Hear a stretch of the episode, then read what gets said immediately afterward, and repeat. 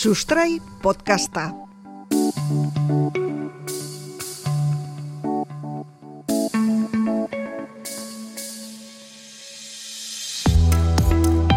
DNA molekula biziarekin lotzen dugun molekula hori informazio asko dauka. Pila dauka eta ez gure gorputzean bakarrik, eh? inguruan bizidun asko ditugu. Lurrean, itsasoan, airean, leku guztietan eta beraz, bizidun asko baldin badaude, DNA asko dago. Eta beraz, informazio asko dago ingurumenean. Eta dituek badakite hori. Lurretik eta airetik ez ezik, itxasotik ere eskuratu daiteke informazio asko eta informazio hori irakurri. Itxasoko uretatik bertatik. Hain zuzen ere, hori izango da gure gaia gaur. Itxasoko uretatik DNA molekula eskuratu eta molekula horretan irakur dezakegun informazioari buruz hitz egingo dugu gaur. Hau Sustrai podcasta da. Eta ni Guillermo Roa naiz, Eluiarko divulgatzailea, baina ez nago bakarrik.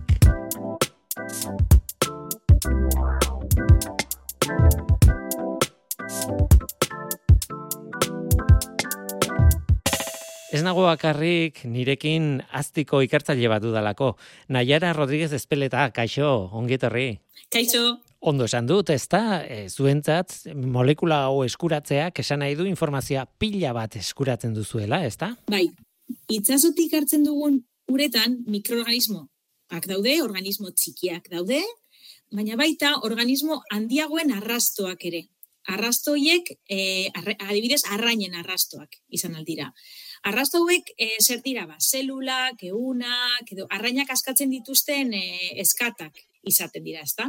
Orduan, arrasto horien denea aztertzen, ba, eremu jakin batean ze espezie bizi diren aztertu aldugu. Ura hartzen dugu, filtratzen dugu, arrasto hoiek, zelula hoiek, hoiek filtroan geratzen dira, eta hortik ataratzen dugu denea, ingurumen denea deitzen dena, eta denea hori aztertzen, ba, jakin dezakegu ze organismo dauzen hor. E, gero, bebai, e, ikusi izan dugu, egin ditugun analiziekin, itzaz e, ingurumeneko dene aztertuz, zelan mugitzen diren, ia kostatik e, gertu dauden, edo kostaletik gertu dauden, edo kostaldetik urrun dauden, zelako e, mugimenduak egiten dituzten, e, adibidez badaude e, organismo batzuk, mesopelagikoak deitzen direnak, egiten dituztenak emigrazio vertikalak, ez? E, gabetan korago igotzen dute, e, jateko eta hori, eta gero, e, gabetan, usakonetara e, geizten dira, e, ba, e, predaziotik apur bat ez egiteko, eta mugimendu hori DNA aztertzen ikusten da. So, ikusten dugu organismo hoien DNA ba, ugariagoa dela geruza superficialetan gabetan, eta geruza sakonetan e, egunean zehar. Eta hori denearekin ikusten da desberdintasun hori. Baina hori ikusi ahal izateko, pentsatzen dut, eh, laginak hartu behar dituzula, DNA eskuratu behar duzula itxasotik, egunean zehar ordu ezberdinetan, ezta? Bai, gure kanpaina zientifikoetan e, egiten duguna da egunean zehar e, laginak hartu eta gaban zehar bai e, laginak hartu. Hori ez dugu ikusi bakarrik puntu baten, e, bizkaiko polkoan egiten den e, kanpaina baten ikusi dugu hainbat lekuetan, leku desberdinetan, eta ere ikusi dugu kolaboratzaile batzuekin ditugun e, kanpainekin, mediterraneoan eta beste leku batzuetan ere. Hor nire zalantza da, zuek nola dakizuen zer eskuratzen ari zareten. Zuek ura hartzen duzu itxasotik, eta DNA eskuratu ur horretatik, baina ur DNA hori izan daiteke mikroorganismo batena, arrai batena edo auskalo zerrena, bizirik dagoen edozein izakirena izan daiteke. Beraz, e, hori jakiteko, zer erabiltzen duzue erreferentziazko denearen datu base bat duzu edo nola egiten duzue? Hori da, e, erreferentzia hori oso garrantzitsua da, eta erreferentzia hori gabe ezin izango genuke olako analiziak egin. Orduan guk daukagu datu base, referentziako datu base bat, eta datu base horretan e, badaukagu e, korrespondentzia espezie eta sekuentzikin. Orduan badakigu, ba, sekuentzia bat, ze espeziarena den. Orduen gure datuak analizatzen ditugunean, gure DNA sekuentziak analizatzen ditugunean, konparatzen dugu, ataratzen ditugun DNA sekuentziak, database, referentziako database horrekin. Egia da, eskuratzen ditugun sekuentziak espa daude datu base horretan, ba, ezin izalgo ditugu organismo hiek detektatu. Eta horrek esan gure dau, ba, igual organismo ez ezagunak direla, edo ez direla ondino sekuentziatu, edo, bueno, erduen egia da, ikerlari asko, ba, gaudela, e, referentzi datu base hori e, osatzen eta onditzen eta sekuentzia gehiago esartzen, eh? Gero, gero ba, analiziak hobeto ataratzeko eta espezie guztiak detektatu alizateko pentsatzen dut lan erraldoia dela inoiz bukatzen ez den lan horietako bat, ezta? Mantentzea datu base hori egunean eta onditzen joatea noski. Dena den, galdetu nahi dizut, oiko espeziak, atuna dela, edo xapoa dela, edo lupila dela, edo horrelako arraien informazioa ederki esagutzen duzuela aspalditik, ez? Bai, e, gure espezie komerzialak nahiko esagunak dira eta ia guztiak daude datu baseetan. Baina, e, egia da, e, lehen esan dudan bezala, e, ere gauzela aztertzen itxasakonetako espeziak eta hoiek ez dira ezagunak. Orduen, kanpaina hoietan, ura lagintzen dugu, baina ere badaude taksonomoak kanpaina hoietan eta badira gai e, espeziak e, espezia apur bat esain arruntak direnak, apur bat esain ezagunak direnak identifikatzeko eta hortik hartzen dugu ehun zati bat sekuentziatzen dugu eta horrekin be bai ba, osatzen dugu e, referentzia datu basea. Duan, lana egiten da paralelikoki, ez? E, gure urre laginak e, aztertu eta datu basea bebai e, osatu. Guazen itxasora eta guazen kontatzera adibide polit bat. Xapoa, guk denok ezagutzen dugun eta jan egiten dugun xapoa. Baina bi xapo mota ezagutzen ditugu, nik esango nuke, bi espezi direla xapo zuria eta xapo beltza. Eta nik esan dut ala pentsatzen nuelako, bi espezie zirela, baina azterke eta genetikoak behar bada beste zerbait esaten du. Kontatu iguzu xapoaren kontua, xapoaren historia hau. Bai, bi espezie daude, baina gure ikerketarekin eh, espezien arteko desberdintasuna ez dagoela ainargi ikusi dugu. Orduen, e, bi espeziak bizualki bere daitezke, beraien urdaia e, estaltzen duen geruza fin baten kolorea begiratuz, sapo beltzarena beltza da eta sapo zuriarena zuria da. Edo, bueno, hori da, orain arte, e, suposatzen genuen, ez? Ze, karo, gure ikerketekin ikusi duguna da, badaudela genetikoki sapo beltzak direnak, baina geruza zuria dituztenak. Eta, bueno, horrek garrantzi handia dauka ekonomikoki, sapo beltza, zuria baino garestiagoa esaltzen delako. Bueno, badirudi, ba, ez dakit, hobea dela. Orduen, e, bueno, gure ikerketan e, ikusi duguna da, e, ba, sapo zuri bat erazterakoan merkeagoa, ba, posible dela sapo hori beltza izatea. Eh? Orduan, eramaten dugu etxera, sapo zuri bat, edo suposatzen dena, sapo zuri bat dela, baina beltza. Orduan, bueno, hori, ba, gure arrantzako flotan e, eragina dauka, eta ez dakigu oraindik ez, e, galerak edo irabaziak izango diren, baina bada zerbait ba, begiratu behar dela. Eta gero, espezien e, kudeaketan, ba, eraginak ditu ere, azkenien espezie bakoitzeko dagoen e, kopurua kontatzerakoan, ba, ez gaude ondo kontatzen, ez? E, bueno, bi espeziak bapur bat e, naztuta daude. Baina igual zapoan e, ikusi dugun zeo zer interesgarriagoa edo da ba, bi espezien artean hibridoak egon daitezkela. Eta, bueno, ikusi dugu ere, ba, bizkaiko kolkoko leku batzuetan, ibideoen kopurua nahiko handia dela, eh? euneko hogeia izan alda leku batzuetan. Orduen, bueno, oraindik ez dakigu sapo gris edo hoien e, hibridoen eragina kudeaketan, ez dakigu hibridoak zeozer berria den edo lendik datorren zeozer, orduan, bueno, e, ba gauz aztertzen, baina ba gauz lanean e, kudeaketa egiten e, duten e, jendearekin, ba, informazioa apur bat beraiei pasatzeko eta beraiei kontutan hartzeko ba, hibridoen presentzia hori bueno, suposatzen delako garrantzia handia ukiko duela. Bueno, iruditzen zait, hibridoak izatea ez dela hain gauza raroa.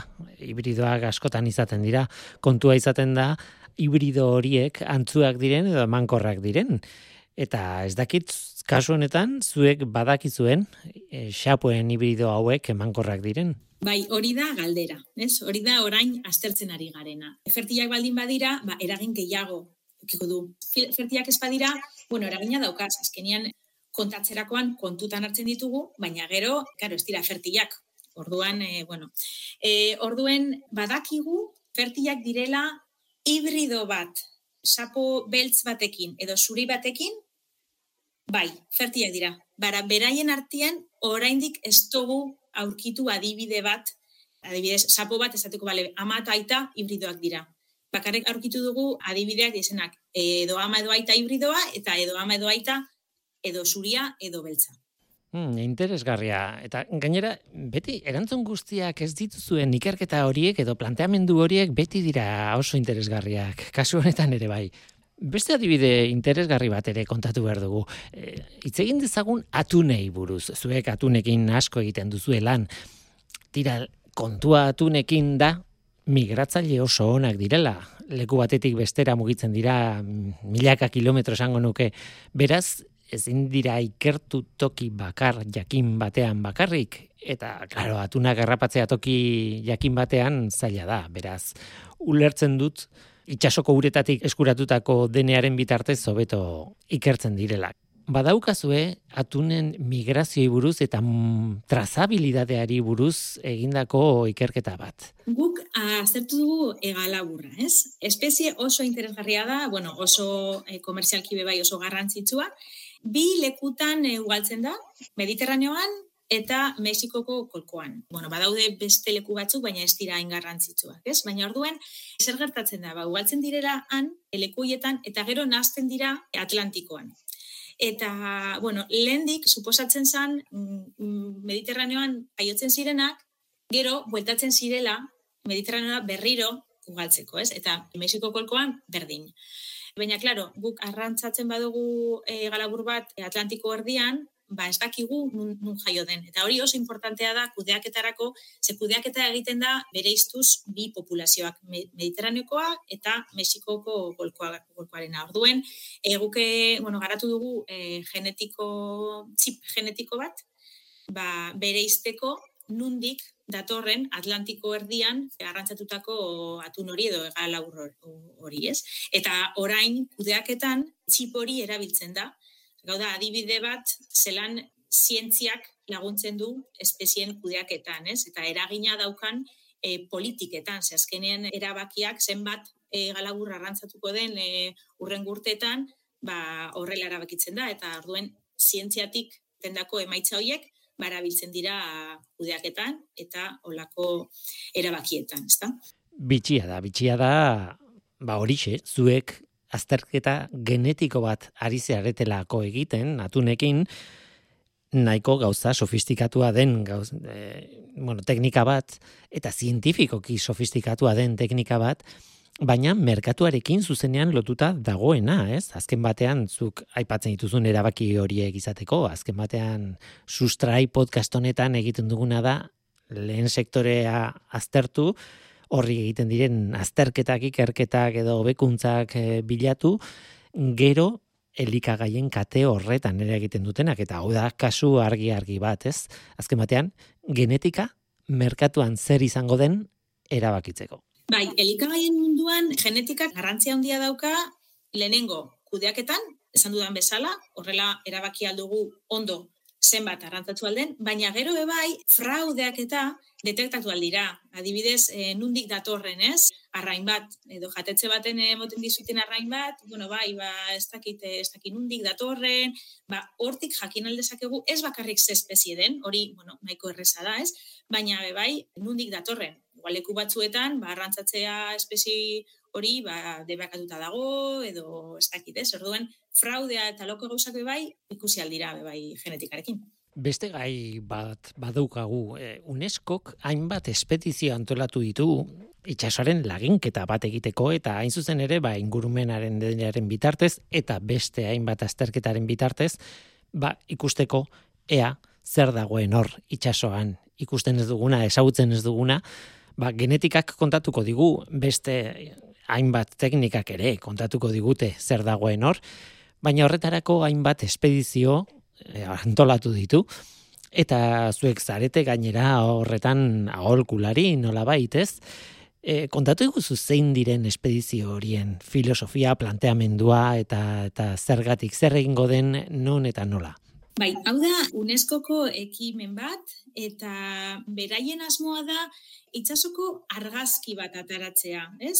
E, gaur egungo argazki bat. Zelan dagoen itsasoan ze espezie bizi diren eta horrela egon alda oinarri bat datorren urtetan egin izango dugun ikerketekin ba, konparatzeko, ez? Aldaketak egongo dira, ba, klimarekin lotutako aldaketak edo beste aldaketak, eta orduan ba, begiratu izango dugu zelan aldatu den. Orduan, argazki hori ataratzeko laginduko dute ura. Eta ura laginduko dute itsasmunduko patrimonioan e, barruan, sartuta dauen hainbat lekuetan, Eta, bueno, proiektuaren barruan badago bebai komponente bat, apur bat, iritarren zientzia komponente bat, ezta? Eta hango jendea, lekuietako jendea bebai, eh, egongo da sartuta edo implikatuta laginketan. Orduan, proiektuan, ba, atal batzuk daude, ez? Eta orduan, adibidez, ba, atal baten, ba, egingo dena da, ba, kit, e, laginketa kit batzuk garatu, holan laginketa ba, erraz egiteko, ba, leku batzuetan ez da holan ekipamendu teknikoa e, da edo ez daude laborategian, ze leku remotoetan e, daude ez, e, itxas munduko patrimonioko leku horiek. Orduen e, laginketa kit bat egitea, gero, bueno, e, ura e, lagintzea, ba, leku guztietan era berdinean, analiziak egitea era berdinean, eta sekuentziak analizatzea era berdinean. Orduan, bueno, gu gaur gauzor aholkularien panelan, ba, aholkuak emoten, zelan egin behar diren, laginketak, zelan egin behar diren analiziak, eta hori. Orduen, bueno, nik uste dut, e, aurten, laginketa aurten eginda, e, orain ja, iaia leku guztiak e, badaude ja uraia hartutute, orduen, igual e, hau izango da, apur bat, gero datorren urteetan e, egingo da, e, segurazki berriro, eta protokoloa izango da, ba, berbera, orduan, e, analizien emaitzak konparatu alizateko eta bueno, ikusteko zelan itsasoaren e, komunitateak ba, aldatzen doiez edo ez. Lan interesgarria gainera egitarren parte hartzearekin eta bueno, e, adituek gain begiratutako lan hori ederra izan daiteke UNESCO aipatu dugu eta noski UNESCO dago honen atzean Hain zuzen ere, UNESCO kesan zuen amarkada honetan sustatuko zela bereziki ozeanoen eta itsasoen ikerketa. Hau da, itxasoen amarka da nolabait ikerketari dagokionez, ez? Eta ordan pentsatzen dut, hau dena, espedizio hauek, eta lan hau guztia dagoela UNESCOren lan horren barruan. Bai, Badago ekimen eh, horren barruan eta beste hainbat eh, ekintza ingurumen e, denearekin lotutakoa daudena be bai, eh? Protokolo estandarizatutak e, garatzeko ekintzak, mesopelagikoko organismoak ezagutzeko ekintzak eta hor ingurumen denea oso garrantzitsua da, ze azkenean, bueno, oso sakon joateko bat tresnak ez oso garestiak dira eta logistikoki ba nahiko nahiko saia da, ez? Eh, ingurumeneko deneak ematen digu aukera olako lekuak ba, gehiago ezagutzeko. Orduen, e, bai, badago sartuta eta eta denearekin lotuta dauzen eh, ekintzak e, bai badauzen. Ba, Naiara Rodríguez Espeleta, aztiko ikartzailea, eskerrik asko gurekin izateagatik eta ingurumenaren denearen kontu hau dena kontatzeagatik. Eskerrik asko zuei, e, gonbidapenagatik, agur. begiratu zure inguruan dagoen denea eta asko ikasiko duzu hango biziari buruz. Guk ez dugu hori egin, baina begiratu dugu inguruan elikagaiekin balio katean eragiten duten kontuak sustrai podcast honen bitartez eta asko ikasi dugu ere bai. Onaino ba gure ibilbidea, laster zuekin izango garelakoan agurtzen gara. Ondo izan, agur.